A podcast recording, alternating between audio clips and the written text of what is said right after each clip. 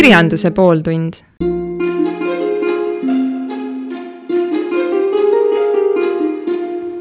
siin Põltsamaa raadio ja kirjanduspooltund. tere teile kõigile, armsad kuulajad. tänane saade jätkab meie luulevooru nagu muudes äh, valdkondades öeldakse, aga, aga tegelikult on nüüd veidikene teise nurga alt. ja mispärast? Ehm, eelloona räägiks sellise loo, et see on nüüd äh, selline, et, et isa rääkis seda, mida kuulis vanaisa käest. mina lugesin mingit esimese siis ennesõjaaegse vabariigi luuletajate kohta ühte-teist ja ma arvan, et see on kuidagi nagu Douglasega seotud, aga, aga, aga selline story oli järgmine, et noh, sellel ajal ka olid luuletajad kõik vaesed ja, ja erakud ja püüdsid hästi kõrget kunsti teha. et olid kaks poeeti, näljas ja vaesed, erakud ja said korra aastas kokku küll aga nad kirjutasid iga päev lugusid ja väga kõrge kunstilise väärtusega, kui tulla nüüd tänapäeva jälle. et ja kui nad siis kokku said, siis neil oli muidugi hea meel teineteise üle, aga nad sättisid ka hea ja mõnusa õhtupooliku. katsid selle laua nii palju, kui nad siis ka said ja süütasid lõkke. lõke oli ka väga tähtis asi, see on inspiratsiooniallikas alati ja lugesid teineteisele oma, omi värskeid lugusid ette.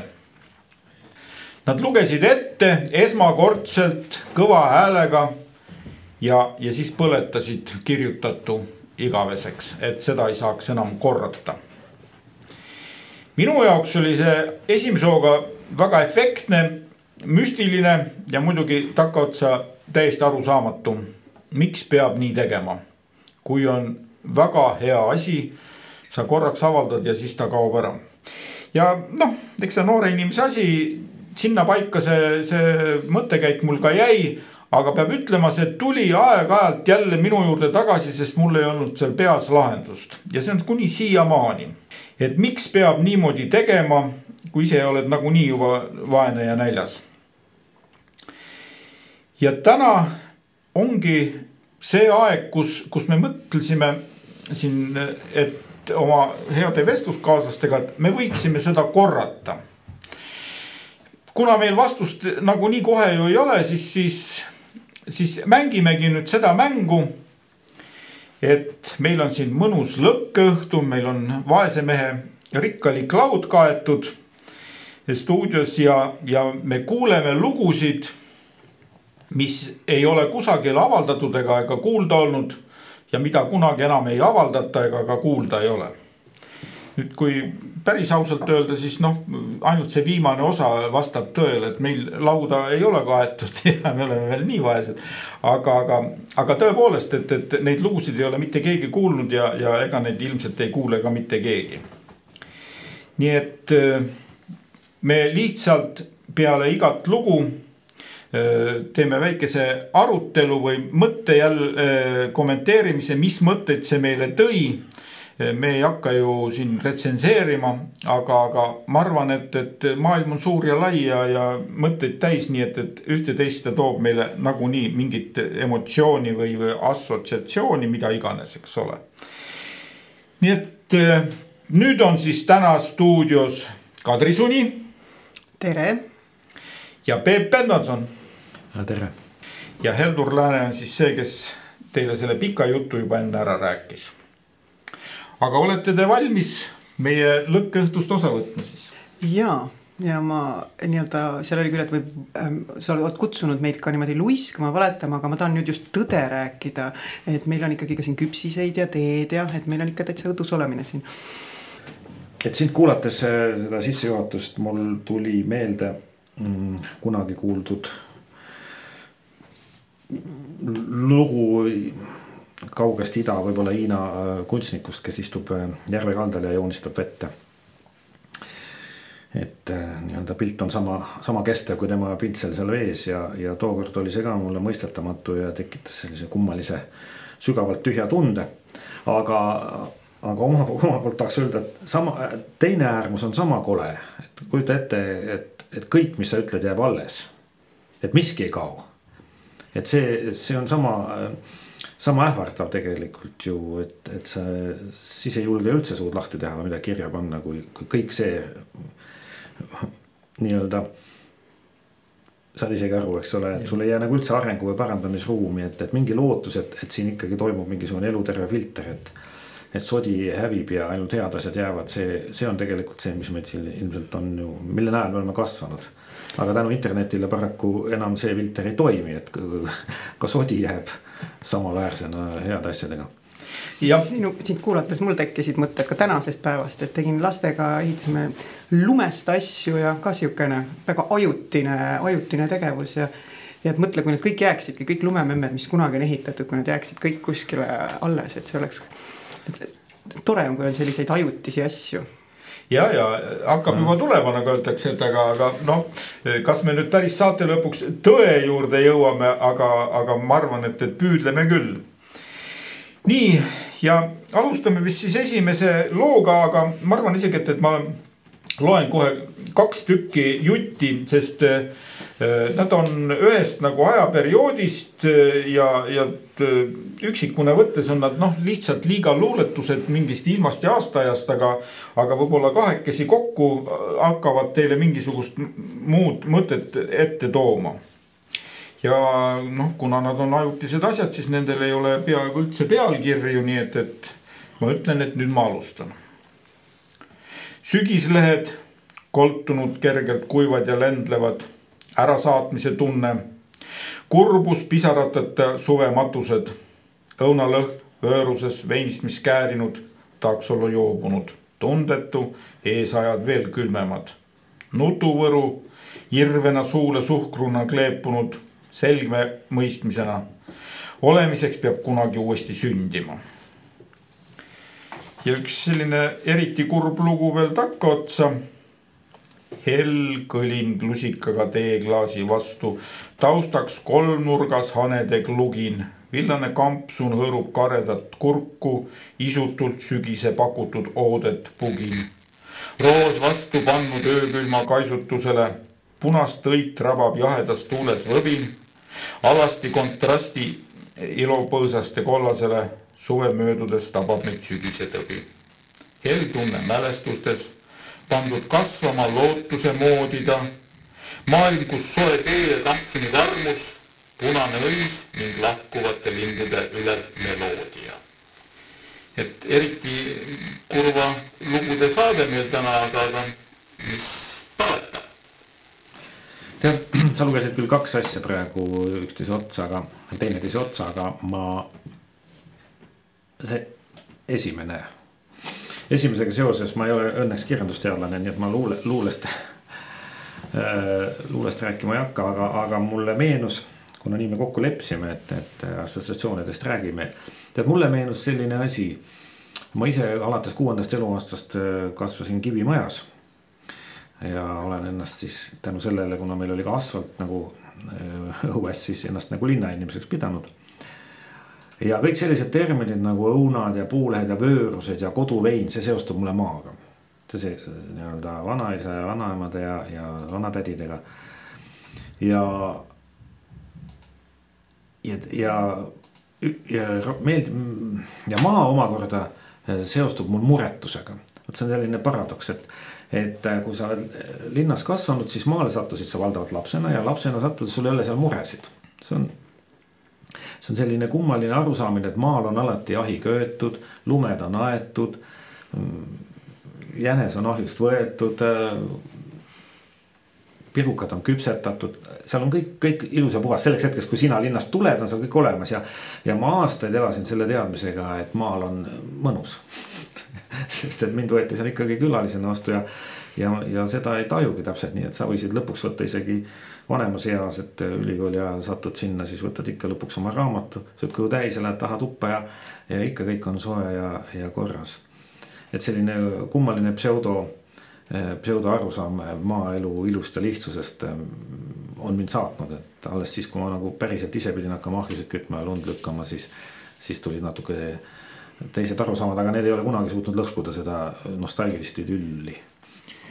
Praegu Peepu kuulates mm, mind ka kõnetasid noh, need lõhnad just, et õunalõhn ja et, et, et ma mingi, olen tulnud ka linnast väiksesse linna, et ma olen justkui tulnud maale, ma olen, elan sellises kohas, kus saab äh, õunamahla teha ja, ja, ja, ja siidri hakkama panna ja et, et küllap ma tulin ka sellepärast, et, et mingisugune niisugune maaromantika või, või väikelinna romantika oli kuskil Lasnamäel üles kasvanud tüdrukul kuskil hinges, et, et ja see, need luuletused või noh, need lood, ma ei tea, kuidas sa neid nimetad, Eldor. -hmm et need ei mõjunud minule nagu kurbadena, vaid et see on noh, lihtsalt sihuke sügise kirjeldus ja siukesed mõnusad rahulikud et minu meelest on oluline äh, aeg-ajalt teha siukseid pause ja mõtiskleda ja no minu arust see kirjandussaade on ka ju siin midagi praktilist siit ei kuule. aga et, et, et aeg-ajalt on sihuke nagu vajalik korraks võtta aeg maha ja need, need luuletused nagu ka kutsusid siuksele nagu aeglusele ja, ja olema nagu aeglane ja, ja mõtisklema, et lihtsalt sügis. Jah, ma ise kommentaariks ka eh, võin öelda, et mu kadunud isaga veidikene. Noh, me ei vaielnud, aga, aga, aga rääkisime sellel teemal, et, et milline aastaaeg on lemmik aastaaeg ja ja, ja noh, ma ka vist ikka siis oli juba selline mingisugune sihuke boheemi soodumus sees ikka, et ma ka rääkisin ka, et sügis on ilus ja koltub ja, ja kõik nagu sureb ja see on hirmus emotsionaalne. aga tema oli kolmeteistaastaselt juba taluperemeheks kirjutatud kohe ja tema raius kui raud, et kõige ilusam aastaeg on kevad alates varakevadest kuni siis selle suve alguseni välja, kõik tärkab hooglikult, sa saad tööd teha täie isuga ja, ja kõik on lootusrikas, sest mitte midagi ei saa valesti minna. nii et, et siin ka jah, et, et eks me siis äh, püüame see sügise kaduvusele kirjutada mingit helgust sisse. see on nüüd nagu tagantjärgi helgus, aga, aga, aga vist ikka see kevade power on, on ka üks väga oluline asi, aga sellest me ei taha väga kirjutada, aga muidugi ilmselt keegi kirjutab ka. ma võtaks järgmise loo edasi, sellepärast et aastaaegadest vist ja, ja loodusest väga palju rohkem ei tulegi juttu aga, aga järgmine lugu eelloona võin nii palju öelda, et ma, ma kohe mõtlesin, et kui seda peaks nüüd tõlkima hakkama, siis, siis sellest vist ei saa mitte keegi teine aru, et, et, et millest siin üldse räägitakse isegi Kanada inimesed vist mitte, aga, aga, aga lugu järgmine ja ka sellel on isegi pealkiri. vana sõidumees. vahtraleht oli kleepunud auto iluvõrele kui kõige suurem ja julgem algaja teel. mina rohelisest märgist otsa ees teadmata kihutasin tulevikku kui vana sõidumees. igal hommikul käed sirutuvad roolile, tüüri ihalevad ikka veel ja veel ometi olen ma sekundist sekundisse algaja, kui kihutan tulevikku nagu vana sõidumees. auks märki otsajat ei anna me valida, aumärke anname, kuidas lubab me meel loomulikult olen ühiskonna pooldaja, aga ei luba ei reeglit, ei abimeest uue sammu eel. salaja vahtraleht kleepunud auto iluvõrule. salamärk teistele, kes pikal ja laial teel ise kihutan ma midagi enesest teadmata, ei aumärke, ei käehoidjaid, kui midagi uut ma teen. kakskümmend üheksa ja mis see siis on, september aa, see on ka huvitav, et sa oled selle septembris kirjutanud, minul seostuski see nii-öelda tarkuse kuu ja see täitsa sihuke nagu haridusteemaline luuletus, et. et oleme algajad ja julged algajad ja katsetame ja ei, ei tea, mis on ees, et mina, mina ka õpetajana, et. et oma õpilastele proovin midagi anda, mis ma loodan, et neil läheb vaja, aga ega me täpselt ei tea, mis on ees. et minul, minul tekkisid sellised, sellised nagu kooli septembrikuu ja kooli mm, -hmm. kooli assotsiatsioonid, et see on täitsa nagu sihuke kooliteemaline luuletus.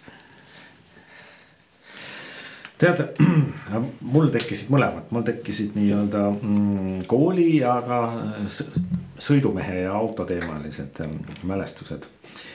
et äh, algselt muidugi tahaks öelda, et sügisest on ikkagi need Vahtraleht kui selline, eks ole, ega ja, ja mulle tuleb ka eelneva jutu jätkuks meelde, et on, minu jaoks on kahte sorti sügiseid olemas, ikka see esimene, see porine sügis.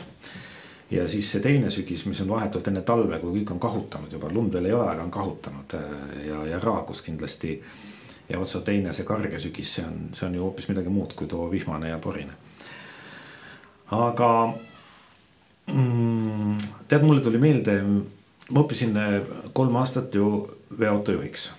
oli meil selline aeg koolis, ma ei tea, mida täna, täna küll esmaspäeviti õpitakse, aga tüdrukutel või, või ütleme nendel, kes soovisid, oli aiandus ja poistel oli meil siis veoauto.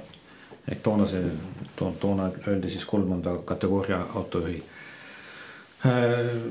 autojuhi luba, lube õppisime endale ja, ja siis selle tarvis oli meil see siis toonases Veski tänava vanas õppehoones.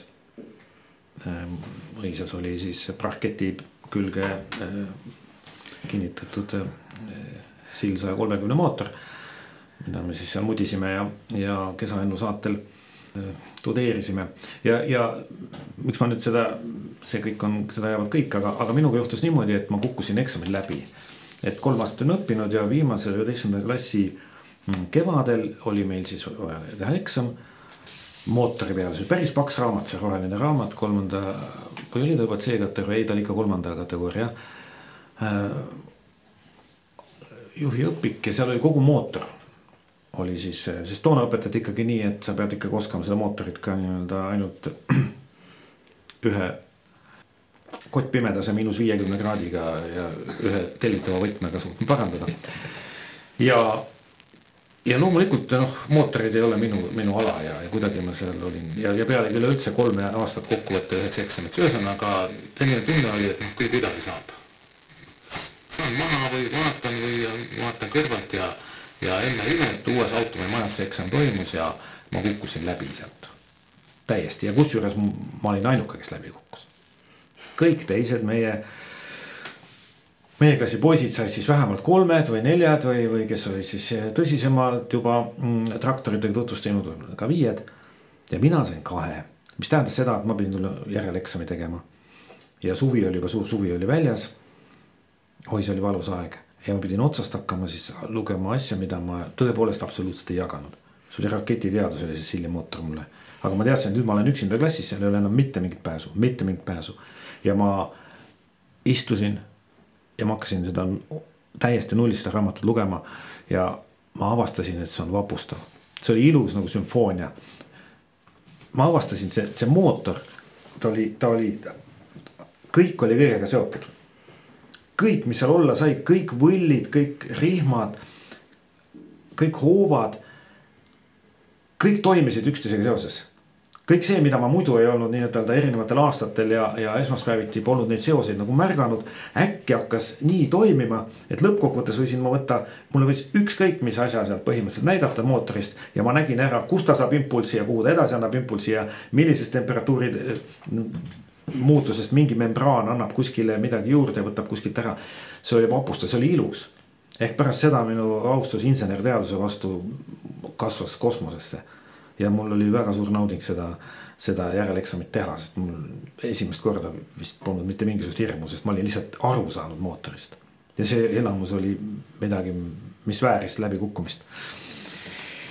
nii kena, et meil on varsti tulemas muusikapaus ja reklaamipaus, aga ma loen nüüd vahetult enne seda siis veel ühe loo, mis jääks õhku rippuma, mida võib-olla saab siis hea kuulaja omas mõttes mõtelda. me kunagi vanaks ei saa, kasvame iga päevaga. küpsus on see, mis paneb ladvast langema. sünnist saati oled vaid sina ja jäädki end sinatama küpsus on see, laseb laialt maailma kogeda. Me kunagi vanaks ei saa, ei ela mõõdupuuga, raashaaval igat päeva tahame kimbuks kokku koguda. kena muusikaelamust teile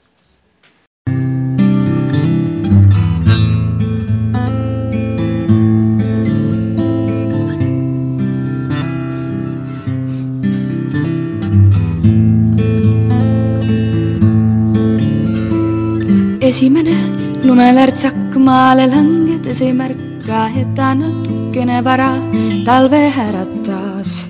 lootsin veel mõnd pikka päeva, lootsin, et kord sind veel näen, ma tahtsin, et mu jalad lumest märjaks veel ei saaks.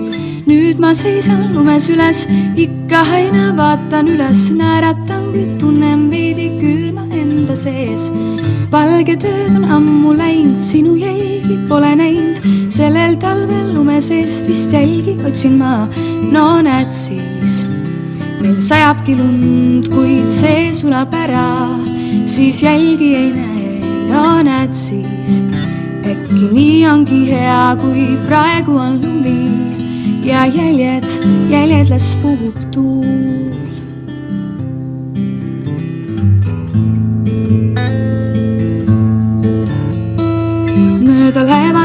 Talved, mõned karmid, mõned malved, jalge all on krudisemas valge puhas vatt. aga siis, kui lumi sulab, vesi kraavides vulab, vees ma peale oma peegelpildi muud ei näe. jälle kõnnin mööda rada, ikka aina vaatan maha, korjan kokku jäljed üksikud, mis maha jäänud. käed on taskus, ootan lund, kõnnin kaks või kõnnin tund miks pean sind otsima, no näed siis. meil sajabki lund, kuid see sulab ära, siis jälgi ei näe, no näed siis. äkki nii ongi hea, kui praegu on lumi ja jäljed, jäljed las puhub tuul. tuul puhub ära mm. -hmm.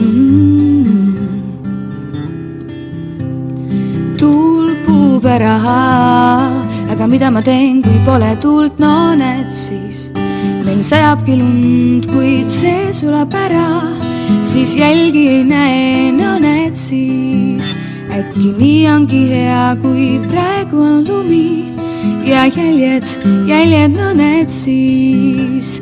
meil sajabki lund, kuid see sulab ära, siis jälgi ei näe, no näed siis äkki nii ongi hea, kui praegu on lumi ja jäljed, jäljed las puhub tuul.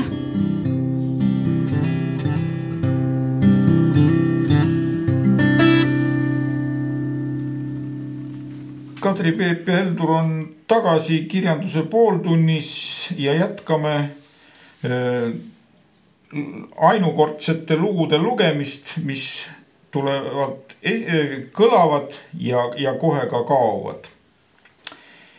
ei ole üle rõduserva piilumine tippu jõudmine, viimased jõuvarud pikast pingutusest otsa korral jõudsid kui kõrgele lainele, puudub teadmine, hetkeks rõõm ja allalangemiseks tühi tunnel. algusesse kutsub sind tagasi su olemine, igaveseks lendu jäämise mõte puudub ka linnul tegelikult raskem osa ongi alla tulemine, ei mäleta õigeid radu kui ronimisest mõttepingul. laskumine on kui elu eest võitlemine, selgelt uus ootamatu tõdemus lasub hingel, ilma eesmärgita kompromissitu lahmimine, sarnane suursugusele tõusule, tähendus surmal. et jätkame natuke oma kurba teemat sa annad kok- äh,, nagu kurbuse sellist äh, sisendit ja mina jälle ei läinud siin midagi nüüd nii väga hirmus kurbs, et mind, mind kõnetas see rida selles, selles luuletuses, et algusesse äh, kutsub sind tagasi su olemine. et minul tekkis siin see assotsiatsioon nagu noh, inimeseks olemisega, aga või et me oleme ikkagi endas enda identiteedis kinni või et me ei taha muutuda, et me, meid kuidagi tõmbab tagasi see, mis me oleme ja see, eks see, see seostub minul ka noh, minu elukutse või valdkonnaga või haridusega. et, et millegi juurde õppimine, mis on ühest küljest küll nagu suur rõõm, aga et me oleme ka oma äh, harjumuste ohvrid või et äh, millegi muutmine on keeruline, et midagi meid tõmbab ikka tagasi selle, kas siis algusesse või, või vana juurde, et, et me armastame ennast sellisena, nagu me oleme, et, et mingite uute asjade äh, katsetamine või, või mingite uute harjumiste tekitamine, et see on, see on raske. ja siin seostub ka sellega, et eh, see alguse jutt, et miks üldse noh, midagi ära visata või et, et vahest on ka oluline teha, teha ruumi uuele.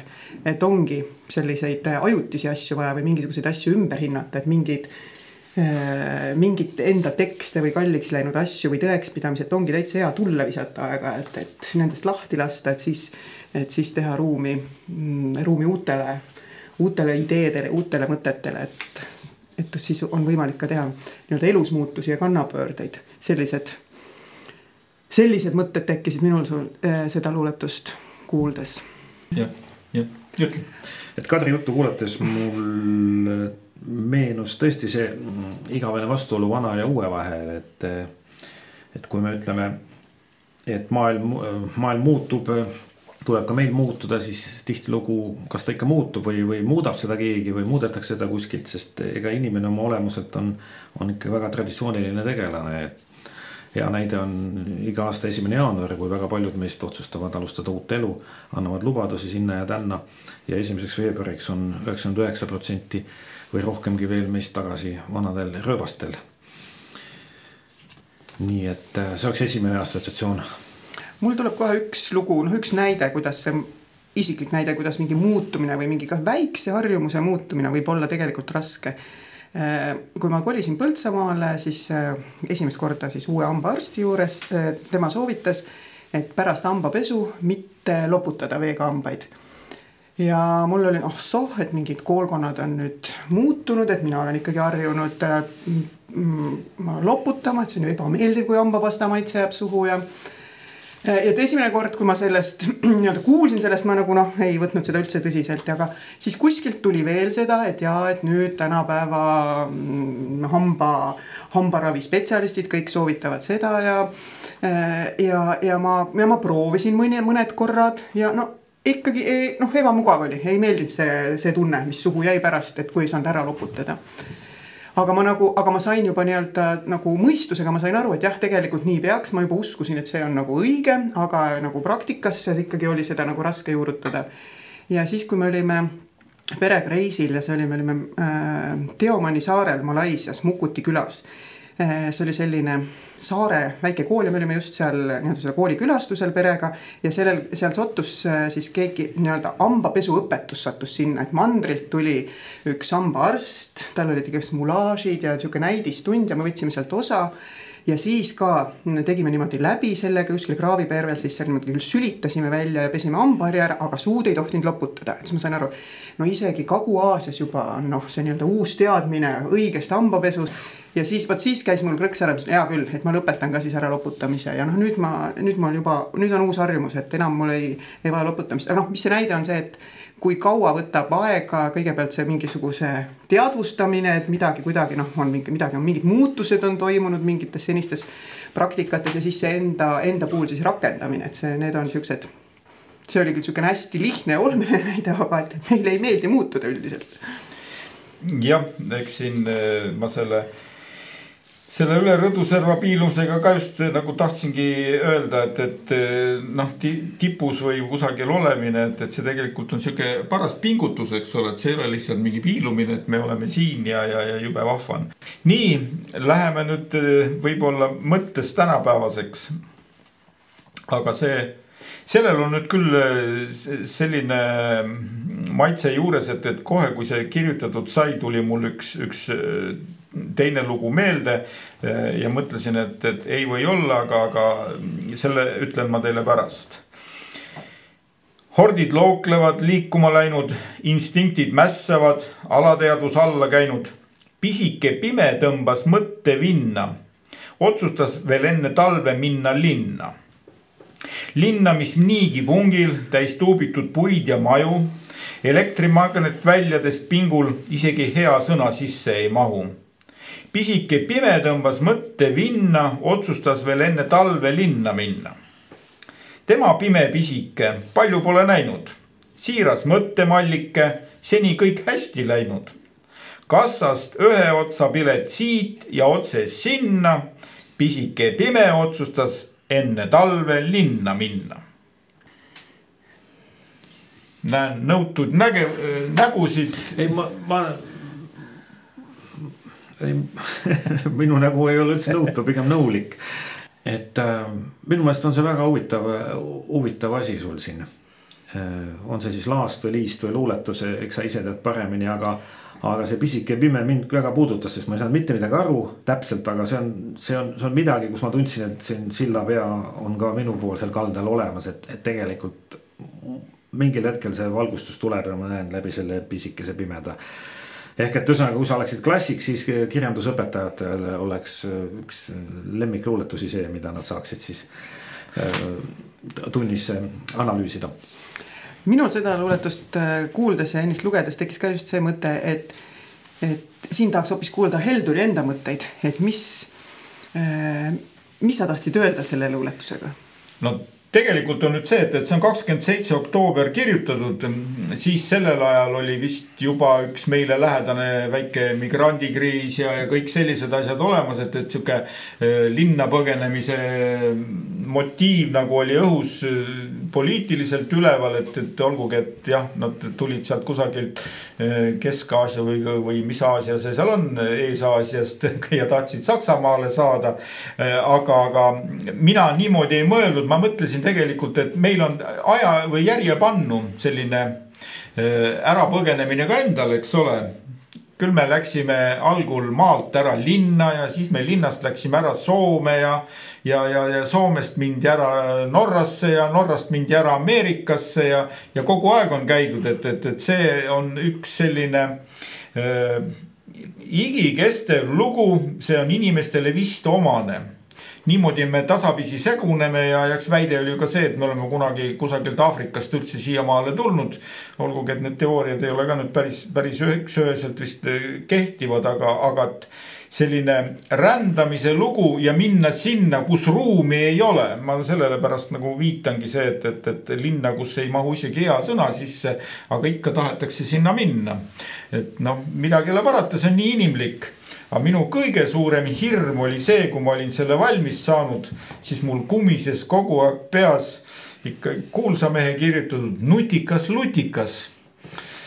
Ando Runneli oma ja, ja, ja ma kogu aeg kartsin, et, et, et oi, kui keegi nüüd ometi seda ei märkaks, aga vist õnneks ei ole märganud mul pigem, kui mul see Runneli hordid ja nii edasi ongi rändrotid ja meist enam kaugel pole, ütleme mm,.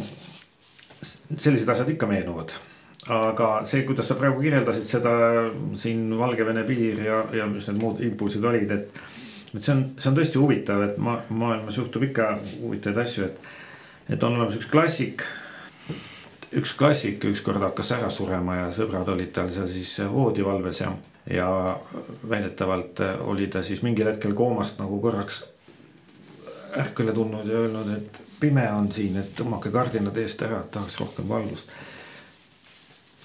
ja siis oli keegi öelnud, et käes, lähme nüüd ruttu ära, las need jäävad tema viimasteks sõnadeks. ja sealt siis ja, ja hiljem oligi siis rohkem valgust. ja, ja väga sümboolse tähendusega siis sai klassiku epitaafiks selline tähendus, et, et see on nagu sinagi räägid, et see võib olla väga-väga aktuaalsest kaamerast võetud nii-öelda aines, aga, aga lõpuks, kui see aktuaalne kaamera läheb kõige kaduva teed, siis jäävad hoopis teised assotsiatsioonid alles. no nii, ma, ma jätkaks ja kah kaasaegselt. kõrget kaart pidi kusagilt väga kaugelt astub vargsi ihuligi hirmupundar malbelt. hinnatõus alustab käteköitmisega valame õli tulle kerge paanikaga. paneme kõik ohvrid üksikuna pikka ritta oma aega ootama. ilm muutub kindlasti ilma peal, tulevad neelud näljahäda järele. kas kuivatab või uputab kalda peal, ohutuli kõrgel taevas väreleb aga meil veel palju tühja õhku, mida suuga soojaks puhuda. Õnneks õhupuuduses ei nähta ohtu, lootusrikkalt positiivsusele peab rõhuma. millega te kütate, kui tohib küsida? Millega me positiivsusele rõhume et mille, millega või päriselt kohe, millega no, millega sooja saame kodus. Äh, puudega mm. -hmm. ja, aga millega hinge kütame kus, kus me seda positiivsust ammutame see on nüüd üks aktuaalsemaid, ma saan aru, juba selles energiakriisis. no vot oligi, tegelikult see on ka seitsmendal oktoobril tulnud asi, aga, aga, aga paraku ta oli natuke ettenägelik jah, sest siis see asi meil ikka lahti läks, eks ole, energiahinnad lakke, aga no tendents oli ammu näha sinul ei ole, Peep, kütmisega probleeme, et? no ikka on, ikka on, mul on oma autonoomne küte briketiga seda kütan, nii et ähm, hommikuks on ikka jahe, et. et siis tuleb jälle keldrisse minna ja äh, katel põlema panna. Ma ei saanud sellest viimasest kahest reast täpselt aru. Vaata lugu nüüd see ongi, et, et äh, me ju püüame siin väidetavalt äh, igasugused need vedelkütted ära võtta, paneme aktsiisi juurde, et nad hästi kallid oleks ja teeme elektriautosid ja, ja nii edasi, et, et. Äh, ma alles paar päeva tagasi kuulsin, kui keegi elektriauto omanik oli teinud analüüsi neid hindasid võrreldes, et, et ta lõpuks oli saanud, et elektriauto on kohati nende tipphindade läks kallimaks kui bensiiniga auto Eh, hinna poolest sõita, et, et minu jaoks on see küsimus, et, et kui me siin võtame oma jaamasid järjest maha ja meil on isegi juba praegu defitsiit.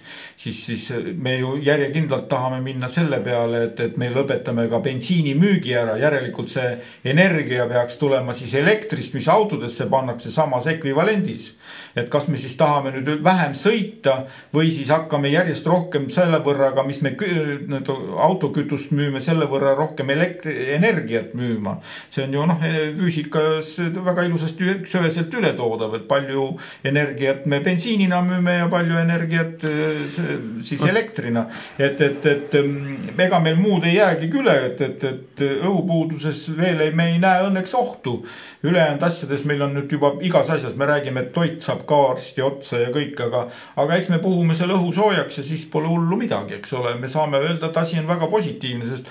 ma pole veel näinud, et, et keegi ütleks, et kogu see piiramine oleks negatiivne, ise on meil kõik ikka õilsa idee nimel ju. ja sa ütlesid siin, et kas sa, sa ise ei müü ju kütust või?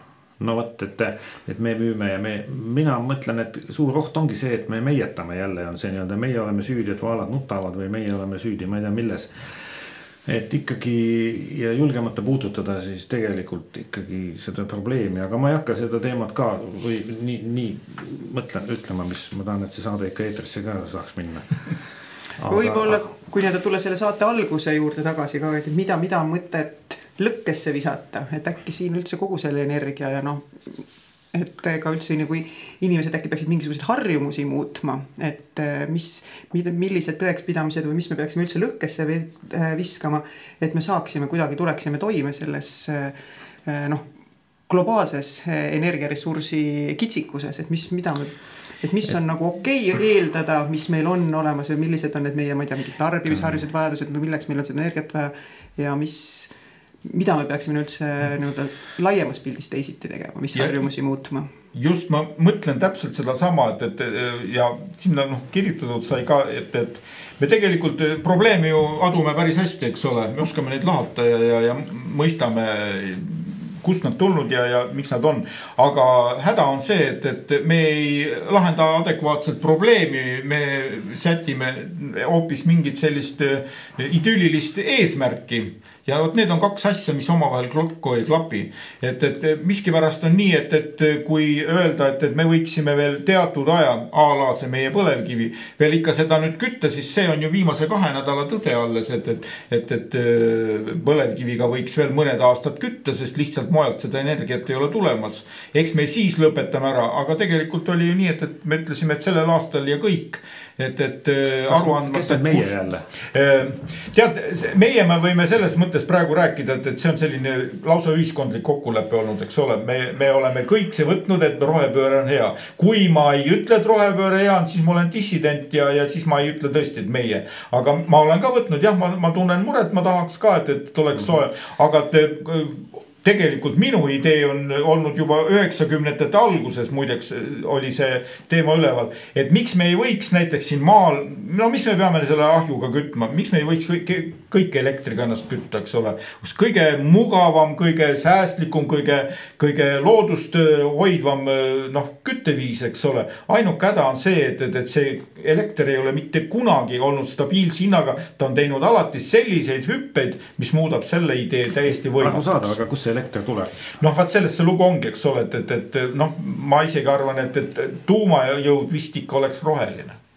Aga nüüd ma ka balansseerin ketserluse piiri Sest, peal juba noh, see iseenesest meie kliimas hakata rääkima, et me, et soojus on luksus ja, ja me peaks oma kombeid, no ma ei näe, et Eesti tarbimist, kus enamus, enamus rahvast on palgavaesed. saaksime öelda, et, et tõmmake veel rohkem koomale, see, see ei ole ju, see on lihtsalt kuskilt õpitud loo, loosung, mida meile ka üritatakse siin nii-öelda nagu kunagi jõgede pööramist ja muud uue inimese kasvatamist. nakatada meid sellesse tõppe, et et iseenesest Eesti Energias on ju, see ei ole ju saladus, et, et Eesti Energia võiks anda kõigile eratarbijatele ka elektri tasuta ja ka siis tema kasum väheneks ainult ühe kolmandiku võrra. et ja teiseks, kui meil on oma põlevkivi, siis me võiksime, meie elekter võiks olla meile midagi sama elementaarset nagu Kuveidis on bensiin.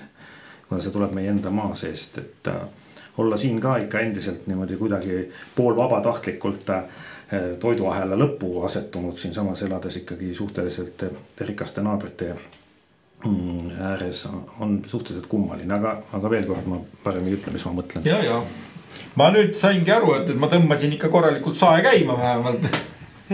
Ma arvan, et me noh, et see on noh, selles mõttes on praegu on ju hästi terav, et ma arvan, siis kui ka see saade eetrisse läheb, on ka ikkagi külm ja inimesed mures, et, et aga ma arvan, et see noh, mis, mis see minu mõte oli, et ka see nii-öelda noh revideerida mingisuguseid enda harjumusi, et ka üldse nagu pikemas perspektiivis, et, et ühest küljest me tahame ju noh, me idealiseerime või, või noh, et, et see majanduskasv on väga tore ja sihukene areng Eh, ja, ja samas, mis see teeb eh, keskkonnale ja nendele ressurssidele, et ka täitsa okei okay oleks ka nii-öelda aeglasemalt areneda ja, ja säästlikumalt areneda ja et.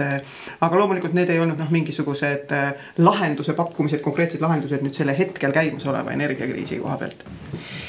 nii ja ma arvan, et, et lõpetuseks sobibki nüüd kui Kadri ütleb siin, et, et, et ma kogu aeg sedasi rõhun morbiidsusele, no mul on lihtsalt selline osa olla vaene kurb äh, poeet. Siis, siis seekord nüüd lõppu siis midagi sellist lootust andvat. Ja, ja tõepoolest selle meie viimase jutuga ka seostub, et, et noh, midagi ei ole teha, on need ilmaolud nagu nad on, meie peame ikka olema ja, ja, ja kuidagi ellu jääma. Ja lugu selline ma olen aeglaselt aeglahustuv, sestap elumahlaga end immutan, ometi ajaookeani sügavusse sukeldun, sealt uut elujõudu ammutan. ainult ööseks tulen ajatusse puhkama, kuivatan keha kulgevast voolusest. olnust unenägudesse rähklema, annan aru elu paratamatutest poolustest. minu salvitud ja parkunud nahal ajahetked piiskadena pärlendavad kevadel talveunest ärganud merekarul uue ootel tunded võimsalt värelevad. et kas see oli nüüd positiivsem? lõpp oli väga positiivne, värelus ja puha. et eh, ega tegelikult jah, ongi, et, et meie elu on ajaline ja, ja, ja sellepärast on ta ka mul mõeldud aeglahustuvana, aga, aga see kevadel talveunest ärkav merekaru mulle kuidagi meeldis, et, et ma sellist looma ei ole tegelikult näinudki ja, ja, ja mida, mida paremat üldse öelda, et inimese loom ongi selline et äh, sa ütlesid küll, et merekaru sarnast tegelast pole olnud, aga mu meelest eriti talveunest ärkav merekaru, see on ju meie kliimas täiesti normaalne. no mis sa seal talvel ikka, eks ole, jää vahel merekarutsed, et, et see oli see, see annab just nimelt sellise kuidagi tsüklilise elamise, mis, mida me oleme kaasajal nagu väga Äh, väga ära rikkunud äh, oma moodsa eluga, kus me tahame puhata suvel, siis kui noh, nii-öelda päike ja kogu loodus pakatab energiast ja siis äh, kui kõik on pime ja, ja väeti, siis me tegelikult töötame, eks ole. ja siis imestame, et meil on kuidagi asjad risti-rästi ja vale pidi, aga, aga omal ajal, kui ilma elektrita elati, eks ole, siis elati loodusega natukene rohkem sümbioosis ja, ja siis tõepoolest oli nii, et kevadeti sulasid kõik, kõik oskustöölised välja ja läksid siis rändama mööda maad ja otsima kohta, kus nad saavad müüri laduda või. või disleritööd teha või, või, või mida iganes, eks ole, katust panna ja, ja ka mere, meret sõita. et selles mõttes mulle, mul oli see mm, tundus väga, väga sügav ja ajalooline ja üldse tahtsin öelda, et, et kõiki neid sinu luuletusi kuulates, et, et vaata, luule on ikkagi alati personaalne, eks ju. et äh, kui luule hakkab võtma endale mingisuguseid ühiskondlikke rolle, siis ta suures osas muutub ikkagi mingiks agiitpropagandaks, eks ole. et äh, proosaga on niimoodi, et sa, vaata proosas sa saad rääkida mingi, sa isegi proosateose saad kirjutada nii, et noh, mulle ei isa rääkis loo, mille talle keegi rääkis siis, eks ole, sa saad, sa saad selle edasi anda ja on ka lõpuks ikkagi huvitav, eks ole, aga. aga luules sa ju ei noh, kui luuletaja ise ei räägi midagi, millest me tunneme, et see on tema luuüdist või verest pärit, siis lugeja tegelikult enam selle ree peal ei ole. see, see, see vahetus on, on väga oluline ja, ja seda me vähemalt siin oleme täna tundnud, mulle tundub. et, et, et ühesõnaga me oleme kuulanud isiklikku asja. ja me oleme saanud natuke heldurit tundma õppida no ma ütlen muidugi aitäh, aga, aga nii nagu meie legend ütles, et, et nüüd on nad kõik põlenud ja rohkem me neid ei kuule. aga jah, kordan siis viimase loo viimast rida, ootel tunded võimsalt värelevad. saadet jääb lõpetama rändaja õhtulaul. ja kui antakse, siis me kohtume jälle, aga igatahes meil oli väga hea meel, armas kuulaja, sinu ees vestelda ole sa siis ka terve ja hoitud. ja olgu su tuba soe. jah, nägemiseni. nägemist. ma kõnnin halli lõpmata teed. kesknurmi täis valmivad viljo.